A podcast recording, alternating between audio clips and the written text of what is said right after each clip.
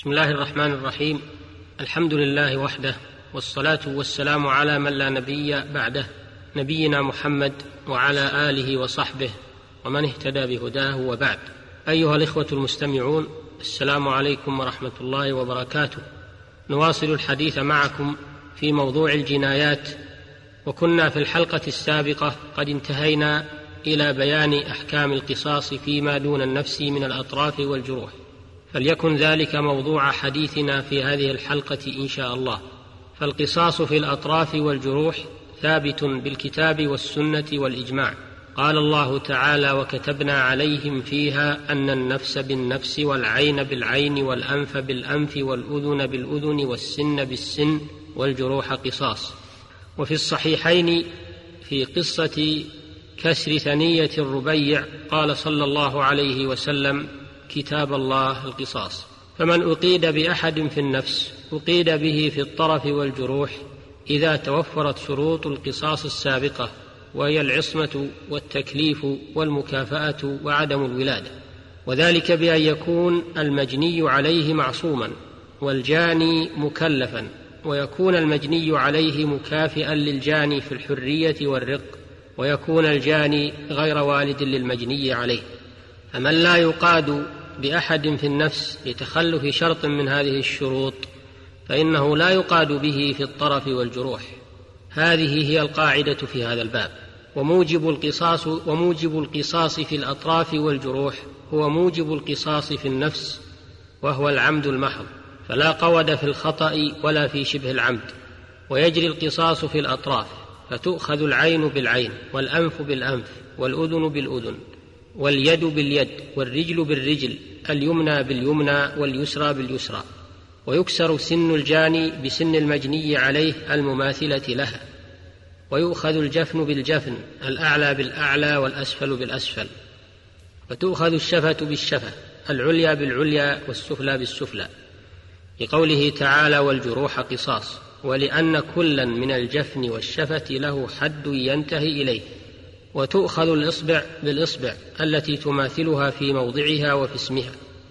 وتؤخذ الكف بالكف المماثلة اليمنى باليمنى واليسرى باليسرى. ويؤخذ المرفق بمثله الأيمن بالأيمن والأيسر بالأيسر للمماثلة فيهما. ويؤخذ الذكر بالذكر لأن له حدا ينتهي إليه. ويمكن القصاص فيه من غير حيث لعموم قوله تعالى والجروح قصاص. ويشترط للقصاص في الطرف ثلاثة شروط.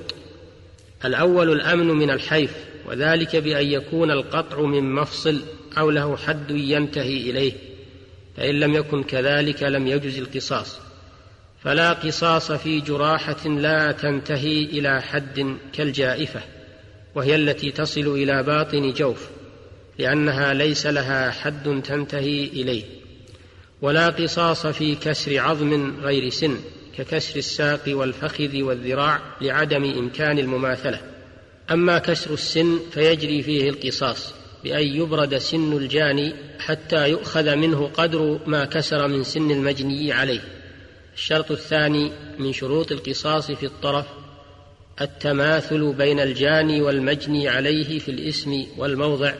فلا يؤخذ يمين بيسار ولا يسار بيمين من الأيدي والأرجل والأعين والآذان ونحوها لأن كل واحد منها يختص باسم وله منفعة خاصة فلا تماثل. ولا تؤخذ خنصر ببنصر من الأصابع للاختلاف في الاسم. ولا يؤخذ عضو أصلي بعضو زائد. الشرط الثالث استواء العضوين من الجاني والمجني عليه في الصحة والكمال. فلا تؤخذ يد أو رجل صحيحة بيد أو رجل شلا ولا تؤخذ يد أو رجل كاملة الأصابع أو الأظفار بناقصتهما ولا تؤخذ عين صحيحة بعين قائمة وهي التي بياضها وسوادها صافيان غير أنها لا تبصر لعدم التساوي. ولا يؤخذ لسان الناطق بلسان أخرس لنقصه ويؤخذ العضو الناقص بالعضو الكامل فتؤخذ الشلاء بالصحيحة وناقصة الأصابع بكاملة الأصابع لأن المعيب من ذلك كالصحيح في الخلقة وإنما نقص في الصفة ولأن المقتص يأخذ بعض حقه فلا حيف وإن شاء أخذ الدية بدل القصاص. وأما القصاص في الجروح فيقتص في كل جرح ينتهي إلى عظم لإمكان الاستيفاء فيه بلا حيف ولا زيادة وذلك كالشجة الموضحة في الرأس والوجه وكجرح العضد والساق والفخذ والقدم لقوله تعالى والجروح قصاص وأما ما لا ينتهي إلى عظم فلا يجوز القصاص فيه من الجراحات سواء كانت شجاجا أو غيرها كالجائفة. وهي التي تصل إلى باطن جوف كبطن وصدر وثغر ونحر لعدم الأمن من الحيف والزيادة. روى ابن ماجه مرفوعا لا قود في المأمومة ولا في الجائفة ولا في المنقلة. والمأمومة هي الشجة التي تصل إلى جلدة الدماغ والجائفة هي التي تصل إلى باطن جوف والمنقلة هي التي تهشم الرأس وتنقل العظام. قال شيخ الإسلام ابن تيمية رحمه الله القصاص في الجراح ثابت بالكتاب والسنة والإجماع بشرط المساواة فإذا شجه فله شجه كذلك فإذا لم يمكن مثل أن يكسر عظما باطنا أو شجه دون الموضحة فلا يشرع القصاص بل تجب الدية. وأما القصاص في الضرب بيده أو بعصا أو سوط ونحو ذلك فقالت طائفة لا قصاص فيه بل فيه التعزير والماثور عن الخلفاء وغيرهم من الصحابة والتابعين أن القصاص مشروع في ذلك وهو نص أحمد وغيره من الفقهاء.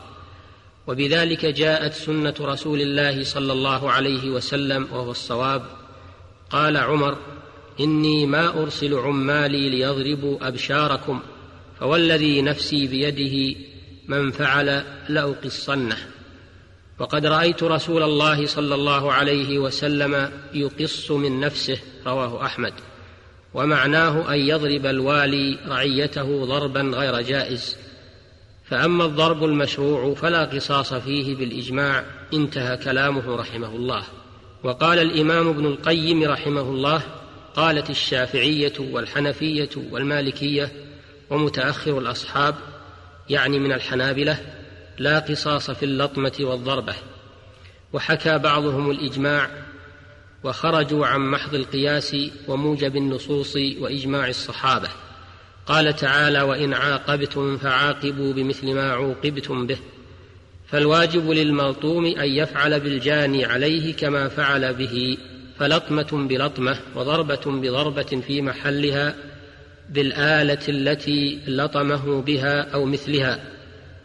أقرب إلى المماثلة المأمور بها حسا وشرعا من تعزيره بغير جنس اعتدائه وصفته وهذا هدي الرسول صلى الله عليه وسلم وخلفائه ومحض القياس ونصوص أحمد انتهى كلامه رحمه الله. وبذلك تنتهي هذه الحلقة فإلى الحلقة القادمة بإذن الله.